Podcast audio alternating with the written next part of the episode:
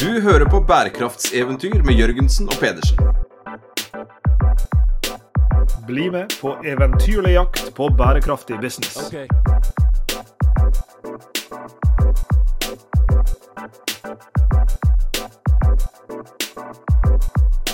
I denne spesialepisoden av Bærekraftseventyr Sveinung, som er innspilt i samarbeid med klimafestivalen Varmere, våtere, villere. Her vi sitter på Kulturhuset i Bergen og koser oss godt inne på dag to av festivalen, har vi nettopp fått besøk av en mann som vi har gleda oss til å snakke med lenge. Eh, jeg snakker selvsagt om Bjørn Samset, som er seniorforsker på Cicero. Som er også forfatter av en ny bok som jeg tipper vi kommer til å komme inn på 2070. Eh, alt du lurer på om klimakrisen og hvordan vi kan komme oss forbi den. Vi kommer ikke inn på alt vi lurer på på om klimakrisen i dag, men vi lurer på mange ting, Sveinung. Velkommen til oss, Bjørn. Tusen, tusen takk. Du eh, er jo en formidler av rang her, og du har jo satt opp da alene på programmet i dag med den overskriften 'Alt du lurer på om eh, klimakrisen' på, på, på tre kvarter. Hvor mye klarer du å, å dekke på tre kvarter? Jeg er innmari god til å snakke fort. Så er, eh, vi, skal, vi, skal, prøve å dekke hele problematikken.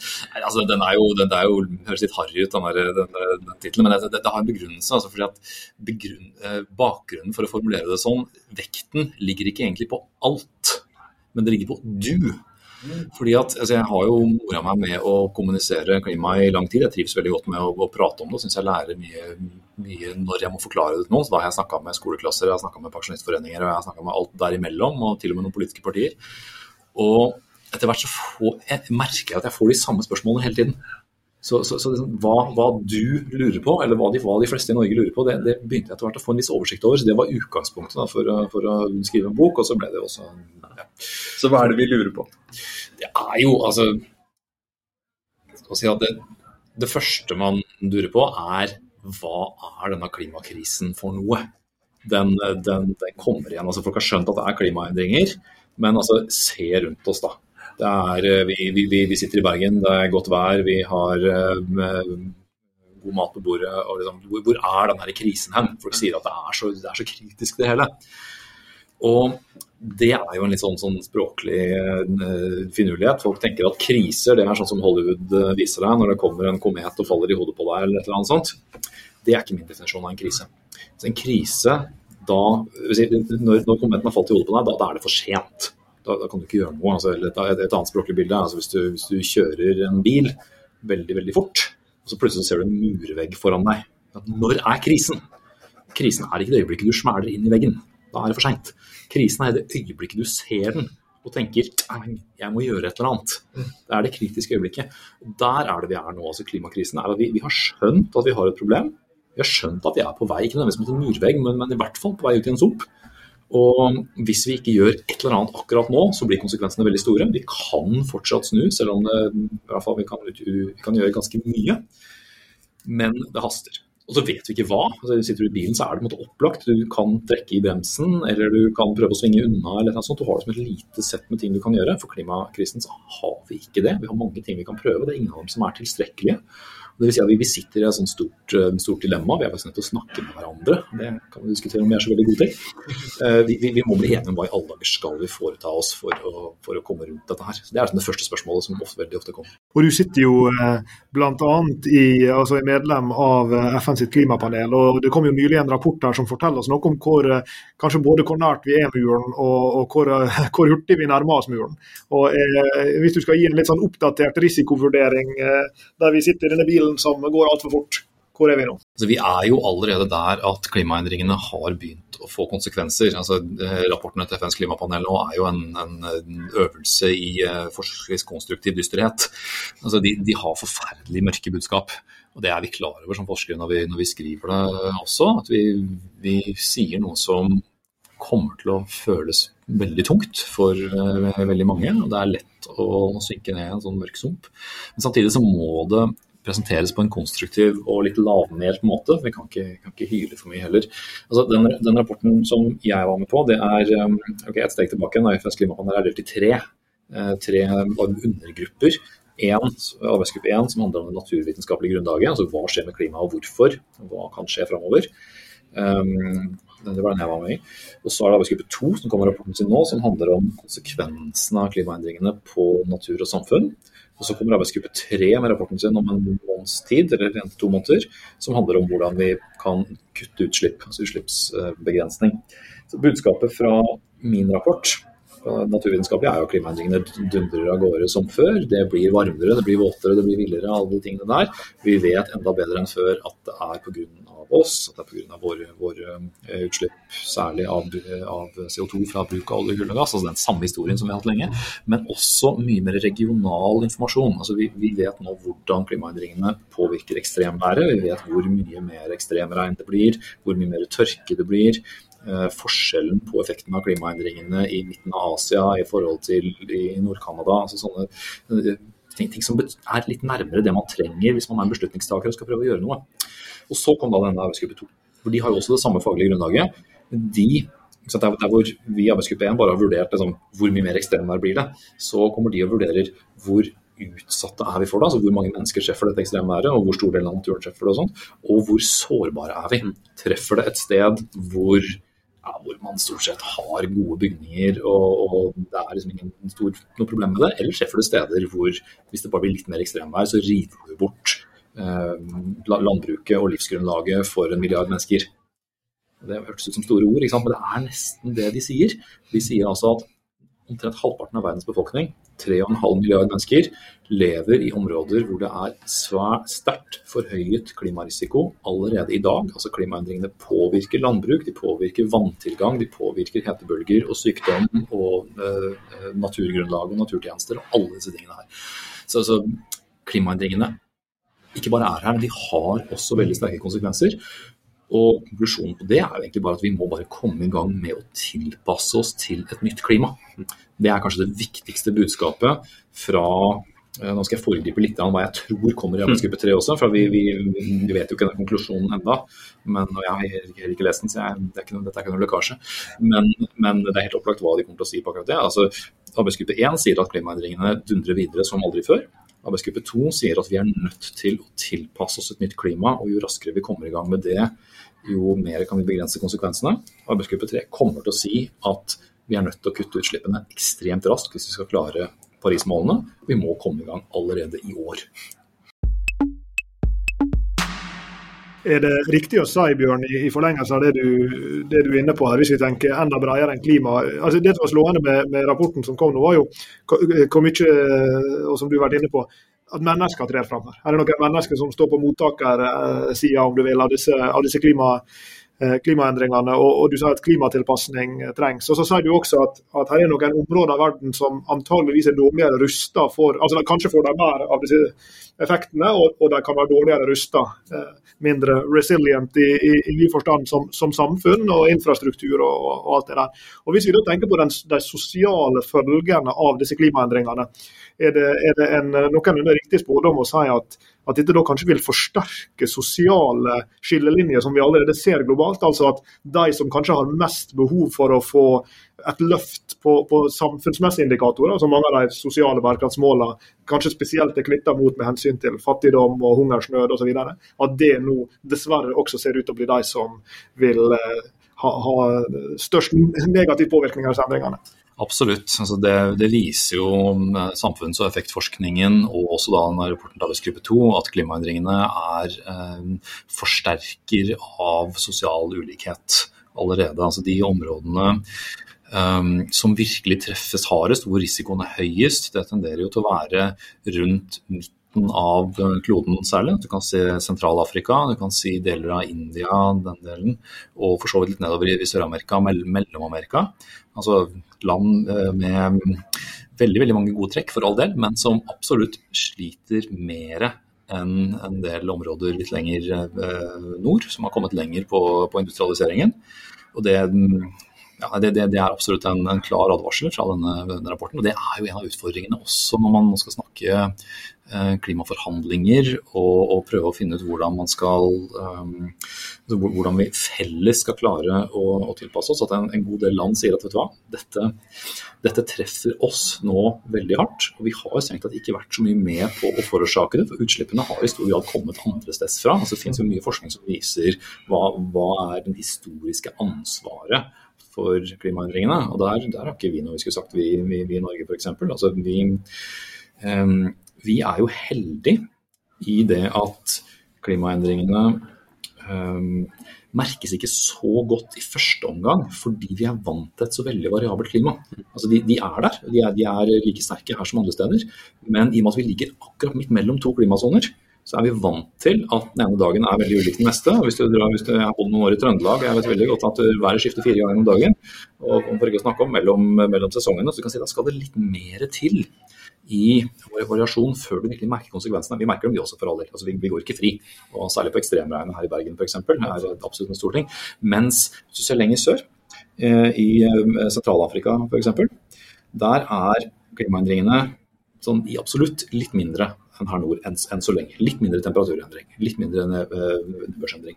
Men det de er tilpasset, det de er vant til, er et dønn stabilt klima som nesten ikke varierer, seg, varierer fra dag til dag. Du merker du effektene så mye raskere. Man har tilpasset jordbruket f.eks. har tilpasset mye mye mer stabil, uh, stabile forhold. Hvordan kan det påvirke oss? For at, altså sånn, uh, Igjen så syns jeg det høres uh, litt sånn jeg, jeg, Vi er jo vokst opp i samme tid, ikke sant. Uh, alle, alle, vi, alle, vi, tre. og Siden vi gikk på barneskolen så har vi hørt om nord-sør-urettferdighet. Og vi i nord vi burde dele mye mer med de sør.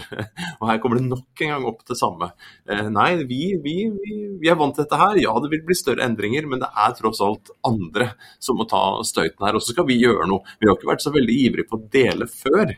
Eh, så, og, og, og, litt sånn egoistisk, da, hvis jeg skal på en måte være egoistisk på våre vegne. Det er jo lettere å få oss til å gjøre noe hvis vi ser at det kan være noen konsekvenser for oss. Mm. Så hva vil konsekvensene være for oss da? Er det på en måte matsikkerhet f.eks.?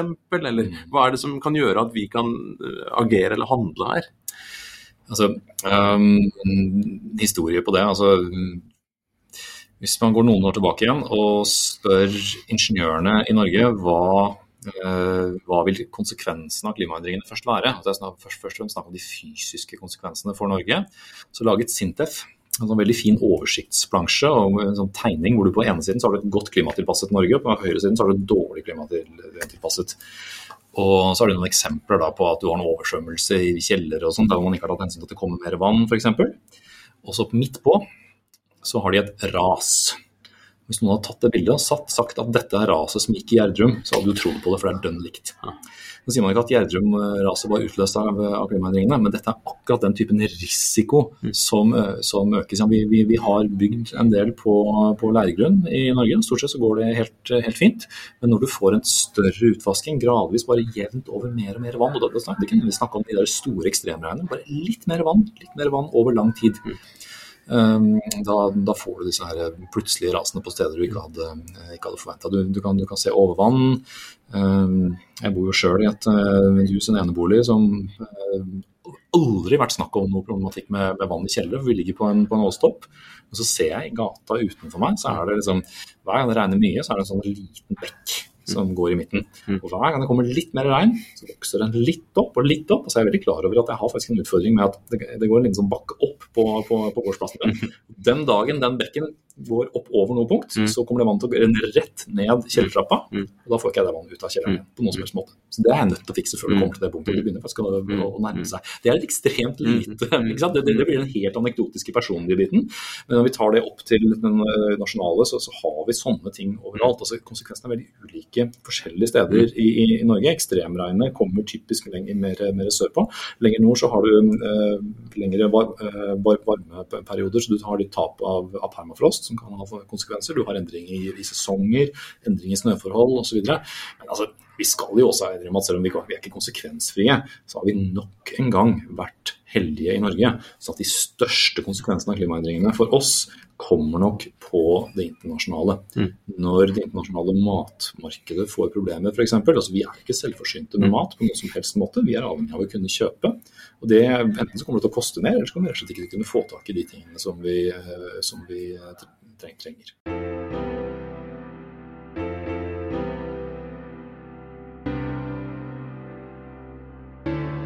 Vi har pratet nå et kvarter og hadde vel egentlig ett spørsmål. Vi har, vi har fletta inn flere. Eh, og Det gikk jo på tittelen på det du skal snakke om seinere senere i dag. Alt du lurer på om, eh, om klimakrisen. Så sa du ja, jeg har, jeg har, samlet noen ting. Noe som du, eller typiske, de typiske spørsmålene du får. Har, du, har, vi nå klart å dekke mange av disse temaene allerede, eller er det en, eller enda noen temaer som, du, som, som, som dukker opp i tillegg til det vi allerede har klart å være innom? Det har vært litt i start og slutten. Altså, nå har vi, har vi, jobbet mye med konsekvensen av klimaendringene. Mm. Det, det, det, dette med Hvordan påvirker det oss, den, den kommer jo også veldig. Men klart, folk jeg snakker med er også veldig klar over at jeg er jo egentlig naturviter. Nå har vi snakka mer over i, i samfunnsbiten. Men, eh, men, eh, det er jo veldig mange som sitter og lurer på ting rett og slett med det naturvitenskapelige faktagrunnlaget her. Mm. Det, det, det, kan jeg forstå. Altså, altså, hvordan, hvordan, kan dette her egentlig henge sammen? Altså, hvordan, hvordan, kan det være at noe så enkelt som at jeg henter opp litt bensin fra bakken og putter i en bil og kjører til jobben, hvordan kan det påvirke hele jordas mm. klima?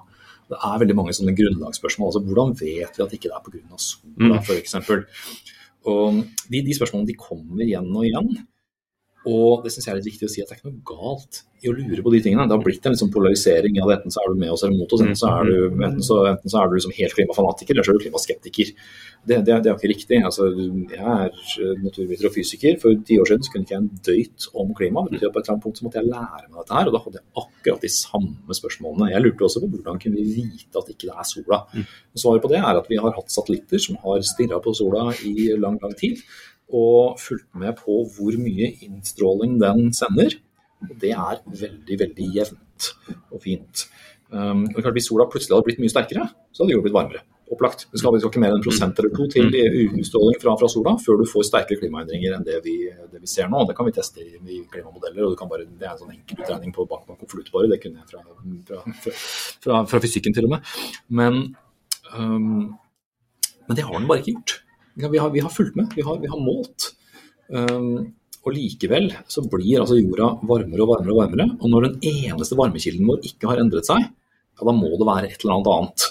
Og da, altså jeg, i, i, boka så stiller jeg opp det der som en litt sånn detektivhistorie, bare for liksom å gjøre noe litt gøy ut av det. For alle har egentlig hørt den historien her. Altså alle, alle, som går på skolen i dag, får jo dette her inn gjennom skolebøkene. Heldigvis, for det er sånn viktig grunnlagskunnskap.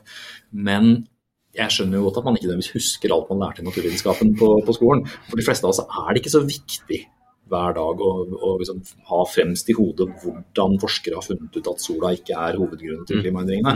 Men den dagen noen kommer og utfordrer deg på det, mm. og sier at pokker heller, vi skal da ikke ha flere bensinavgifter og alt mm. sånt, fordi at det her er bare en konspirasjon, da må vi reagere. Vi kan godt diskutere om bensinavgifter er den riktige veien å gå, men ikke på grunnlag av at klimaendringene ikke skjer og at forskerne har prøvd å lure deg som en prøver å si. Det var litt viktig for meg i den boka, fordi det er så mange som, som si, um, gjerne vil handle klimavennlig, men som møter disse motargumentene, og som da blir sittende litt i skvis, og da ender man opp med at da orker jeg ikke å forholde meg til det.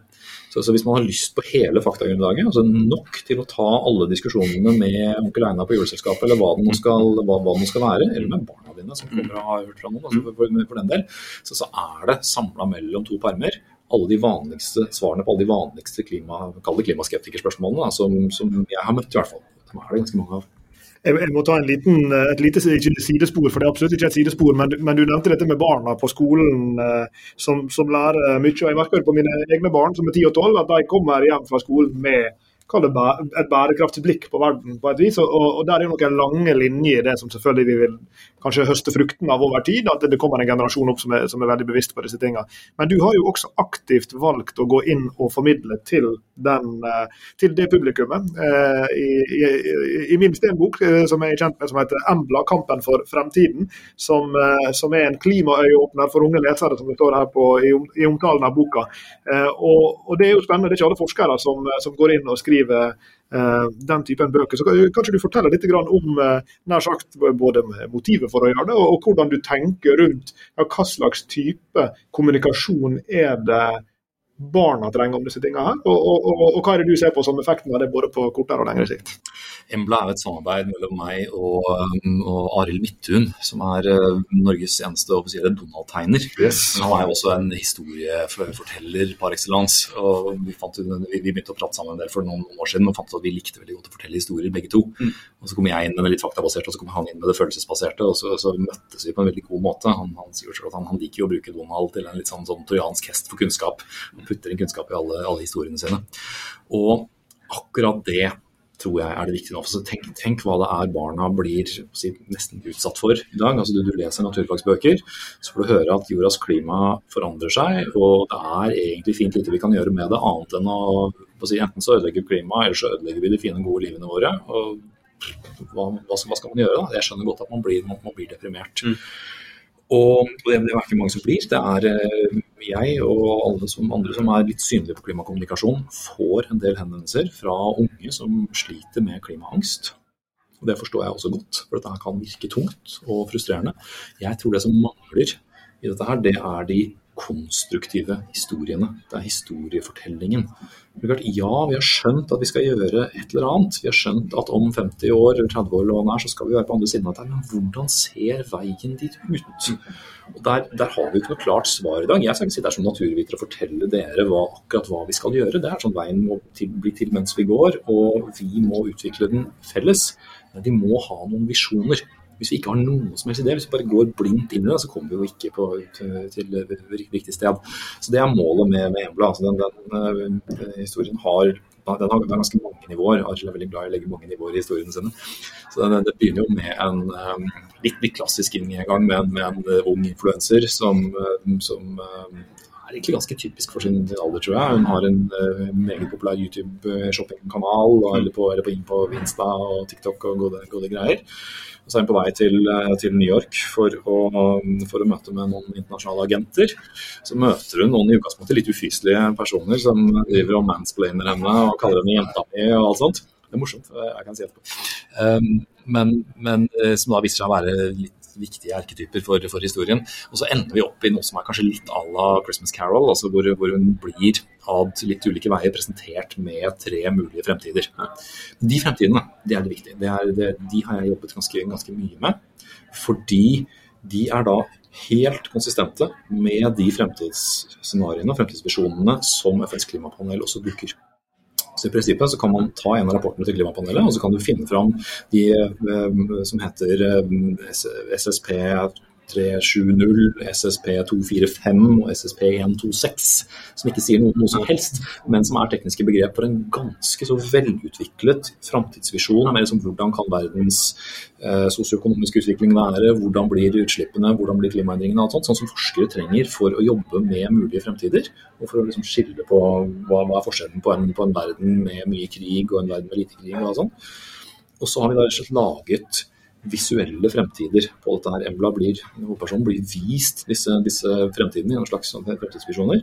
De er ganske dørgende forskjellige. Ja. Men alle sammen, alle disse tre mulighetene, de går fra det positive via det tekno-optimistiske til det forferdelig dystre. Men de er helt mulig. Det er ingenting altså kan si Fremtidshistorier er kanskje science fiction-aktig, men det er ingenting science fiction i det, egentlig. Dette er fullstendig mulige veier framover. I hvert fall ut fra det forskersamfunnet vet i dag.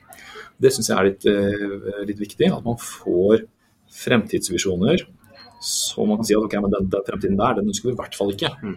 Okay, og De som er litt mer interessert, de kan da gå og grave ok, hva var det som gjorde da at vi havnet der. Jo, det var at vi, at vi eh, ikke brød oss om å kutte utslipp de første 20-30 årene f.eks., men, men tenkte at det var noe vi skulle gjøre rundt 2050. Selv om, vi, selv om vi kutter utslipp i 2050, så er det egentlig litt seint. Da ender vi opp i den eh, litt uh, ekle fremtiden med, med, veldig høy temperaturendring og veldig sterke konsekvenser. Og så osv. Så, videre. så det er den historiefortellingen. Det er, det er målet, og det, det, tror jeg er det som virkelig trengs. For unge har alle faktaene. De vet hva som skjer. De vet uh, hva de bør gjøre. Og så er det veldig vanskelig for oss alle, for, for dem og for oss, uh, å faktisk gjøre det. Og da må vi, da må vi ha disse historiene å styre etter, tror jeg. Når du får disse spørsmålene da, om alt uh, vi uh, lurer på, for å, for å, bruke det enda en gang, er det noe du skulle ønske at du ble spurt om isteden? Og, og er det noen av disse tre scenarioene som fanger opp, opp de dimensjonene? Um, altså de, de, beste spørsmålene er jo de som vi heldigvis begynner å, å ha mye, mye mer nå, nemlig hva gjør vi? Mm. Helt konstruktivt. Altså hva med den og den løsningen der? Vi, vi eh, vet at det finnes ikke noen enkelt løsning. Det er heller ikke en løsning å ikke gjøre noe.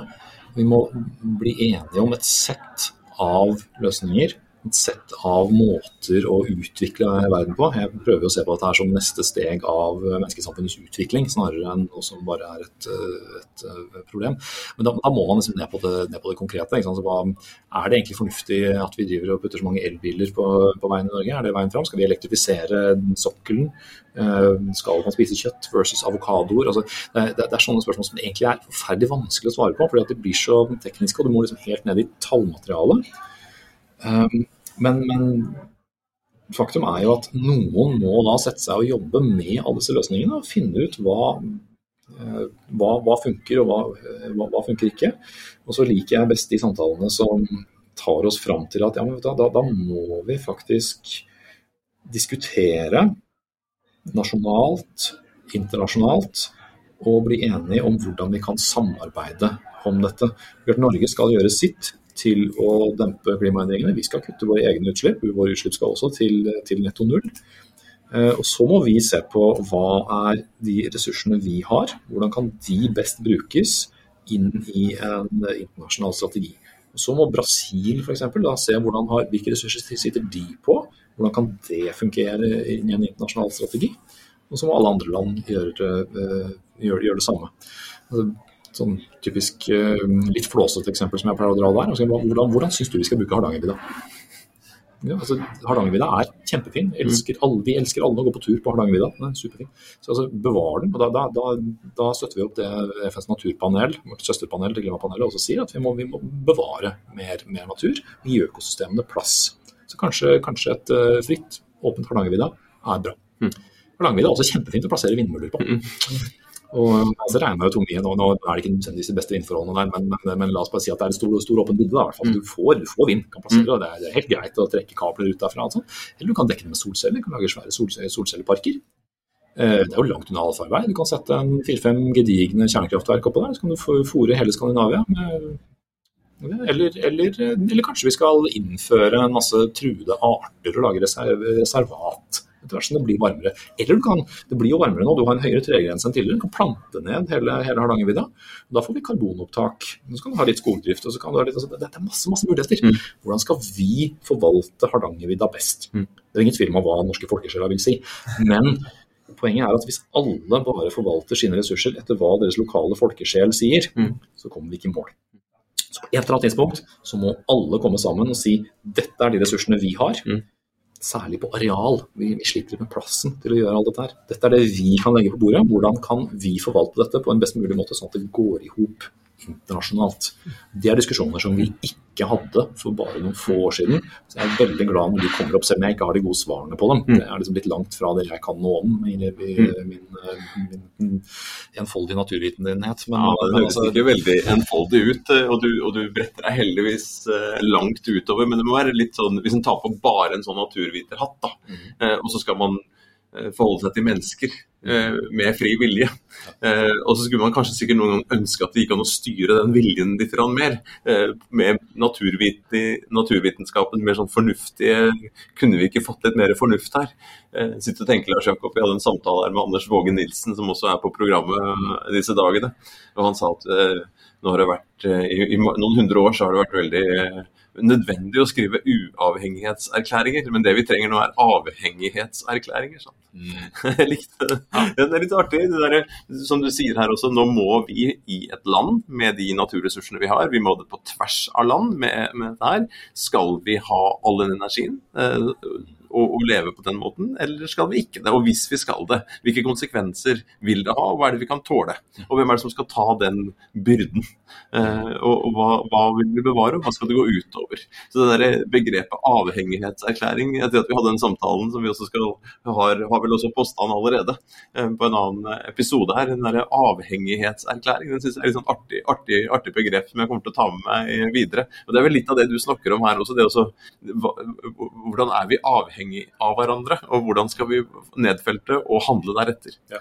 Hvordan alt dette henger sammen. Altså det, og det er jo en ting som, For å ta det litt tilbake igjen til, til Klimapanelet og mm. rapporter og sånt også, det er også en av tingene som den rapporten til arbeidsgruppe 2 fra Klimapanelet var veldig tydelig på nå. Hvordan alt henger sammen. Mm. Altså, Altså, alle land er avhengig av hverandre. altså Vi i Norge kan ikke bare sitte og si se på Kina, de slipper ut så mye mer enn oss. Mm. så alle må, alle må være med. Men vi som jobber med klima, kan ikke la være å se på hva som skjer med naturen og vice versa. Og vi må se på hva ellers som, eh, som, som, som skjer i samfunnet. Vi har en naturkrise, vi har, vi har en ressurskrise.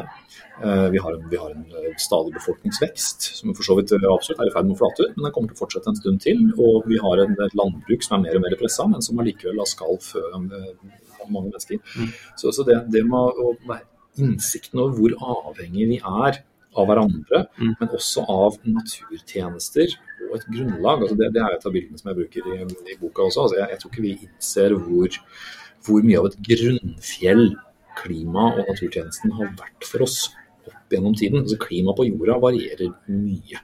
Det har det alltid gjort. Mm. Og, men det går sakte.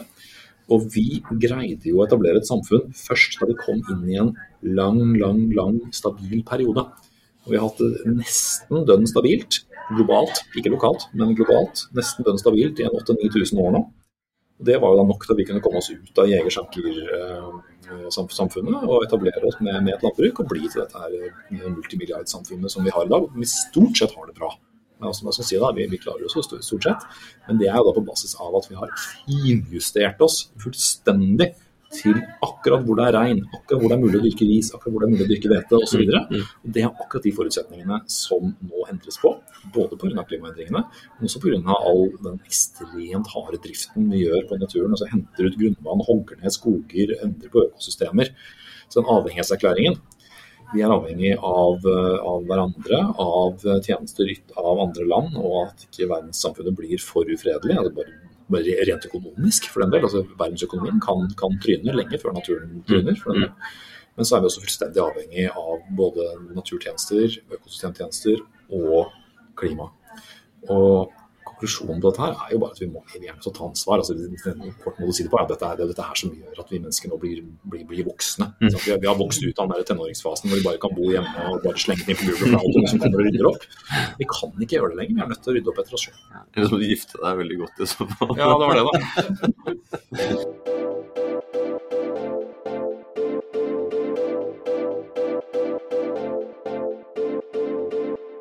Kan jeg utfordre deg Bjørn, på et, et, spørsmål som kanskje er for stort, men du kan bryte det ned i, eh, i, deler av elefanten som kan, eh, kan, spises.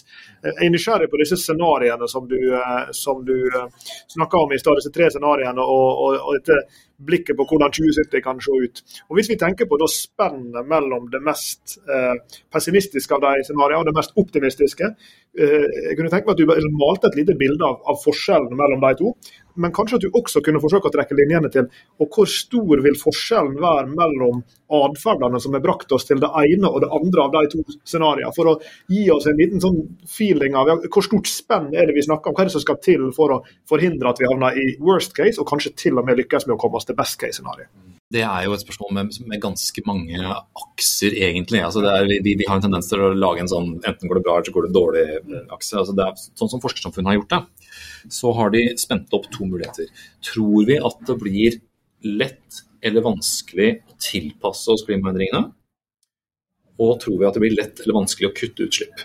Det er liksom to, to separate ting. Jo fortere vi kutter utslipp, jo lavere blir temperaturøkningen. så Det er, det er fint. Jo fortere vi kan, kan, tilpasse oss, jo mer robuste blir vi, og så mindre blir, blir konsekvensene.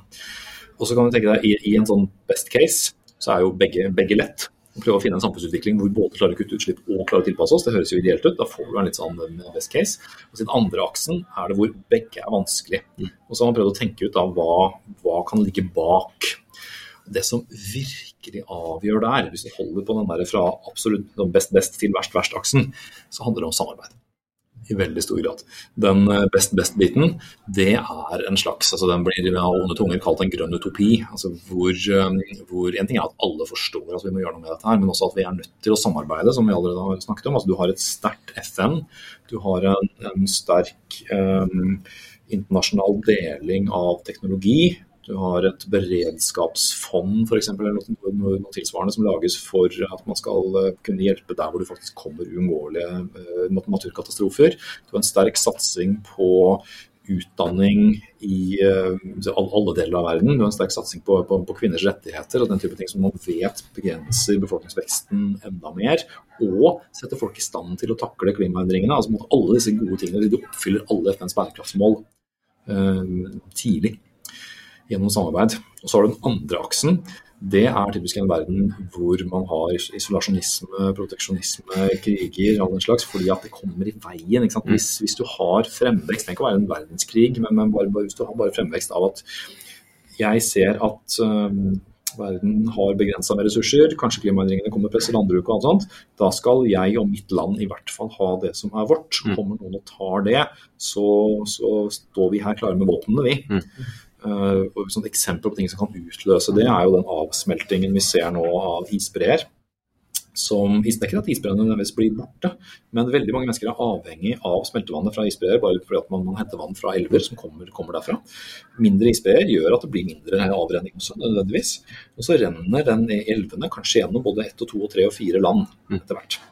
Men så lenge så går det fint, for alle er vant til hvor mye vann som kommer i elva. Men når det blir, si at det blir halvert, da er vannet brukt opp etter de to første landene. Mm. Da blir de to neste landene sinte. Mm.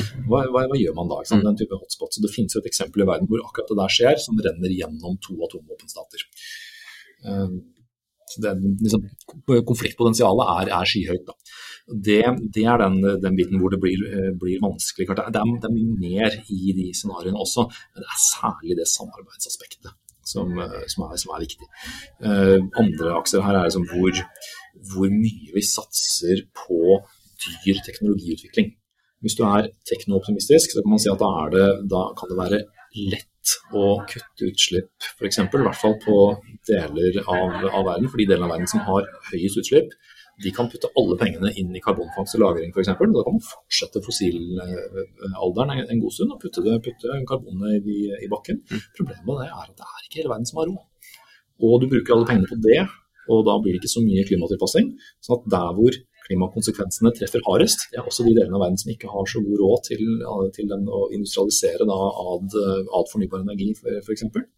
Da får du en enda større todeling av, av verden.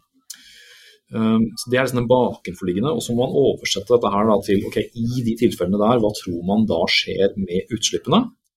Og når du først vet utslippene, så kan vi naturvitere ganske lett regne ut hva temperaturendringen blir, og gi et anslag for hvor sterke klimakonsekvensene uh, blir. Så fremtidsscenarioene altså jeg, jeg, vil si at den der samarbeidsaksen er så viktig. og Det er derfor jeg terper så mye på dette. her. Altså, vi er nødt til å lære oss å snakke sammen. Vi må kunne kommunisere om dette her. og, og sånn som skjer i Europa eh, akkurat nå, med, med, invasjoner og krig et sted i verden hvor vi trodde vi kanskje nesten kanskje litt blåøyd trodde vi var ferdig med den slags mm. for en stund. Det, jo, det, sender oss jo akkurat opp i det hjørnet av det der scenariorommet som vi ikke vil være i, dessverre. Og det er jo en forbanna ærlig sak. Vi må jo ta tak i den situasjonen vi er i. Vi har det politiske systemet vi har, vi har den økonomien vi har, vi har de ressursene vi har. og Vi, har, vi, vi er jo der hvor vi er. Eh, og, og, jeg har tenkt liksom over tid, apropos alt man lurer om klimakrisen, så har jeg tenkt liksom Kunne vi fått fortgang på dette her hvis det hadde vært de motsatte remediene som var nødvendig. At det hadde kunne vært mer uavhengighetserklæring, at alle kunne bare eid mer, reist mer. Og, og, og, mange omkring i verden som vi prater med, opplever jo at hele den løsningspakka er sånn å trekke sånn sosialdemokratisk eh, tvangstrøye ned over seg. Trenger ikke å gå dypt ned i sør altså sørstaten i USA.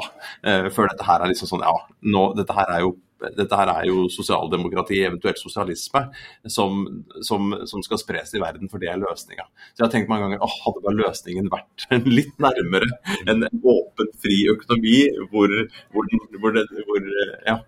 Men, mens her så er det liksom det er mer samarbeid, mer deling, eh, det er mindre privat eierskap. Eh, Eh, ja, jeg vet det er liksom utopisk og skulle ønske at det var noe annet. Liksom. Jeg har lenge ønska liksom, åh, skulle hatt en sånn verktøykasse som hadde vært litt mer sånn eh, tilpassa uh, realiteten på et vis. Men vi er jo en realitet der hvor vi er. Og energi er jo viktig her. Vi skal drifte alt dette her. Og vi er avhengig av hverandre på, på mat. Um, og i den konkurransen, for Vi har mange problemer her, og vi har vært inne på mange problemer. Liksom, demokratiproblemet, eh, biodiversitet Eh, klima. Det vi møter noen ganger, og det jeg lurer på rundt klima, det er ofte sånn åh, nå er det snakk om klima igjen. Men det er jo ikke nødvendigvis det største problemet. Eh, hva er liksom de gode argumentene for å, for å si fremdeles at jo, dette her er mora til alle problemer, liksom. Dette her rommer så mange andre ting, og det er dette her vi er nødt til å ta tak i aller først. Det har med hvor fundamentalt det er å gjøre. Altså um, når, du, når du, sitter hjemme med et uh, velfylt matskap, så kan du alltid krangle om hvem av barna som skal få det største kakestykket. Men når, når, det reelle problemet er at hvis ikke vi, vi skjerper oss nå, så, så, er det ingen som kommer til å kunne handle mat lenger. altså Det kommer til å, det kommer til å, å, å renne tomt. Det handler om å få fram hvor ubehagelig relevant det bildet egentlig er. Vi, vi risikerer at klimaendringene blir så sterke at en ting er at det påvirker oss at, at, du får naturkatastrofer av den typen som vil gjøre deler av uh, jord, jordkloden nært ekvator fullstendig ubeboelig. Bare fordi at det blir så hyppige, kraftige hetebølger som gir oss heteslag uansett. Det er et ris bak speilet på ganske høy global oppvarming. Men, men klart, hvis vi overhodet ikke bryr oss om klimaendringene, så, så, så, kan vi jo være der innen slutten av århundret. Så, så det, det, er ikke, det, er ikke, uh, irrelevant. Um, det er det ene. Og så er det at naturen gir oss jo også de tjenestene vi trenger til å produsere mat. Den tar opp karbon for den del og begrenser eh, eh, klimaendringene. Og vi risikerer høyst reelt at global matproduksjon bryter sammen. Og da vet vi at lenge før du sitter der og sier pokker eller vi har ikke mer mat igjen, vi kommer til å sulte, lenge før det så kommer folk til å ha begynt å krangle om den maten som er. Mm. Og så kommer man til å ha nye, store matkriger. Høyst, høyst øh, sannsynligvis. Det er noe med hvor fundamentalt dette er. Altså, vi rokker ved selve ressursgrunnlaget for hele samfunnet.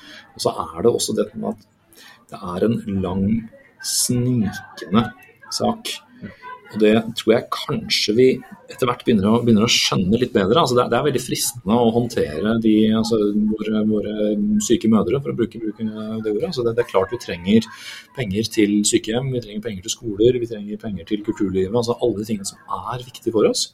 Men hvis virksomheten vår, altså bare dagliglivet vårt, er så ødeleggende for planeten at om en stund så er livsgrunnlaget for samfunnet borte, altså, vi, vi, kan jo bare ikke fortsette sånn. Så, så det, det, er fortsatt det argumentet man, man, må bruke. Og dessverre nå så sier jo naturen etter hvert veldig veldig tydelig fra. Det er konsekvenser allerede. Det har påvirket matproduksjon. Det har økt raten av, av uh, syk sykdommer. Det har endret mengden skadedyr. Altså det, det, alt disse tingene er dokumentert. Det er her. Det blir røpt i programmet til eh, Klimafestivalen Bjørn, at uh, du tillater deg tross alt dette her å være optimist. Og Jeg har lyst til å ende samtalen der uh, nå snart. Kanskje du vil røpe for oss hva grunner du ser til optimisme. Men jeg har lyst til å stille deg ett spørsmål først. og Det dreier seg om et av de store verktøyene i, i, i, verktøykassen vår som du har vært inne på på ulike måter allerede, det som handler om, om klimatilpasning. Og, og, Du var inne på ditt eget lokale eksempel. Jeg bor selv i Bergen i et hus rett nedenfor en fjellvegg som det renner mer og mer vann fra. og jeg gravde ned min skjerv av dreneringsrør under huset de, de siste åra. Eh, men så er du vært inne på at, at, internasjonalt så kreves det noen tiltak som, som, kanskje også, hvis vi skal tenke fare for å høres egoistisk ut, også hvis jeg skal tenke på den, den vestlige og industrialiserte verden.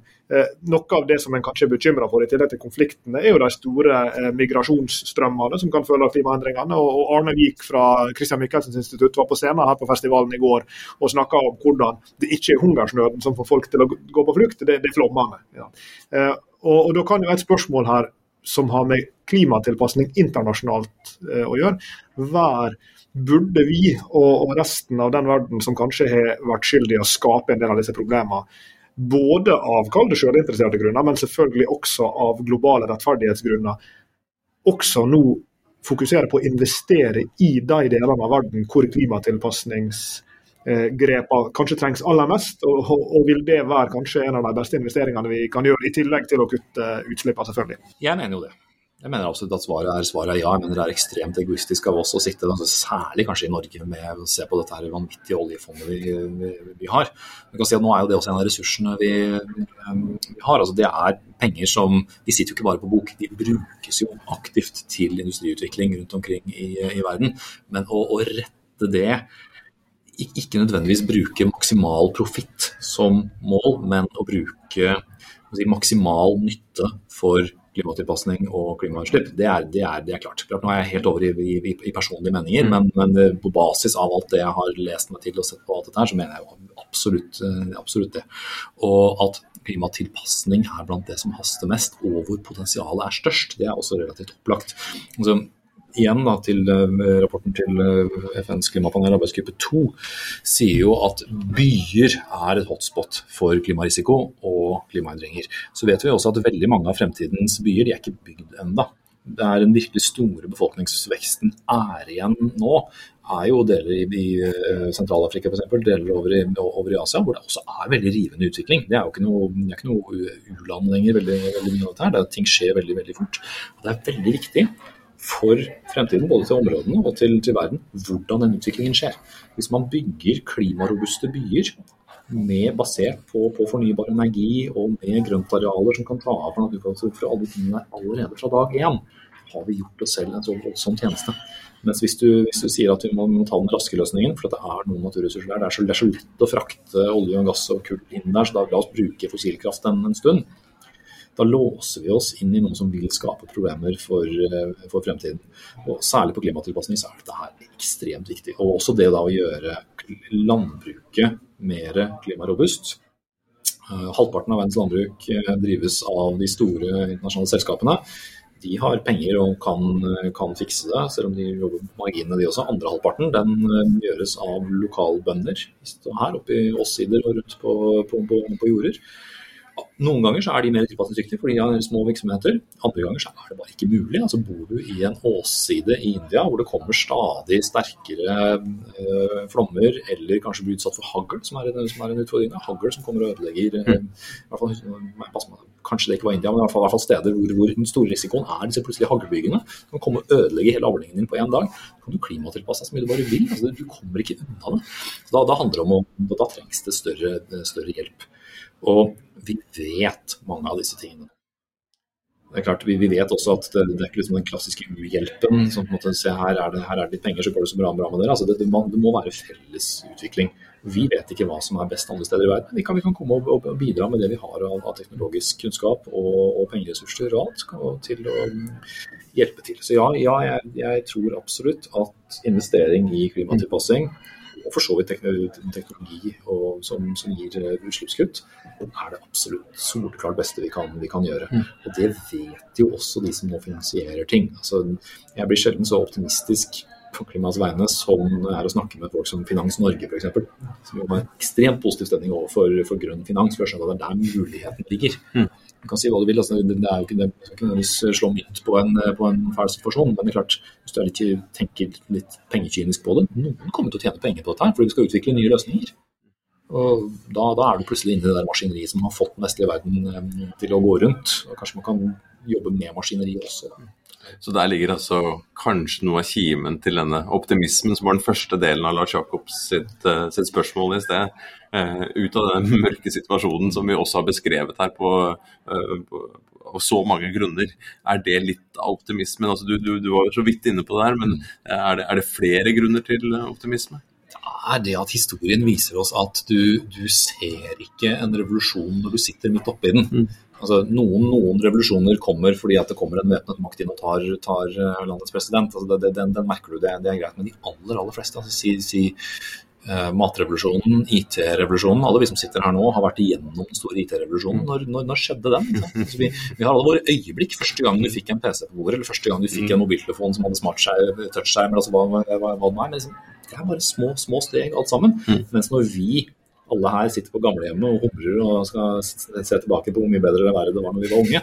Det er ingen tvil om at vi kommer til å innse at vi har vært gjennom en skikkelig eh, revolusjon. Mm. Jeg tror vi er midt inne i en klimarevolusjon nå, og går egentlig veldig, veldig fort mm. for oss, oss mennesker. Altså, et eksempel som jeg liker å ta der, er jo kanskje på, på, på holdninger. Det er ikke veldig siden vi hadde kunnet humre rundt bordet her som tre hvite menn liksom, om en del, del, ting som jeg ikke ville nevne engang nå, mm. fordi at det vil gjøre podkasten fullstendig uspiselig.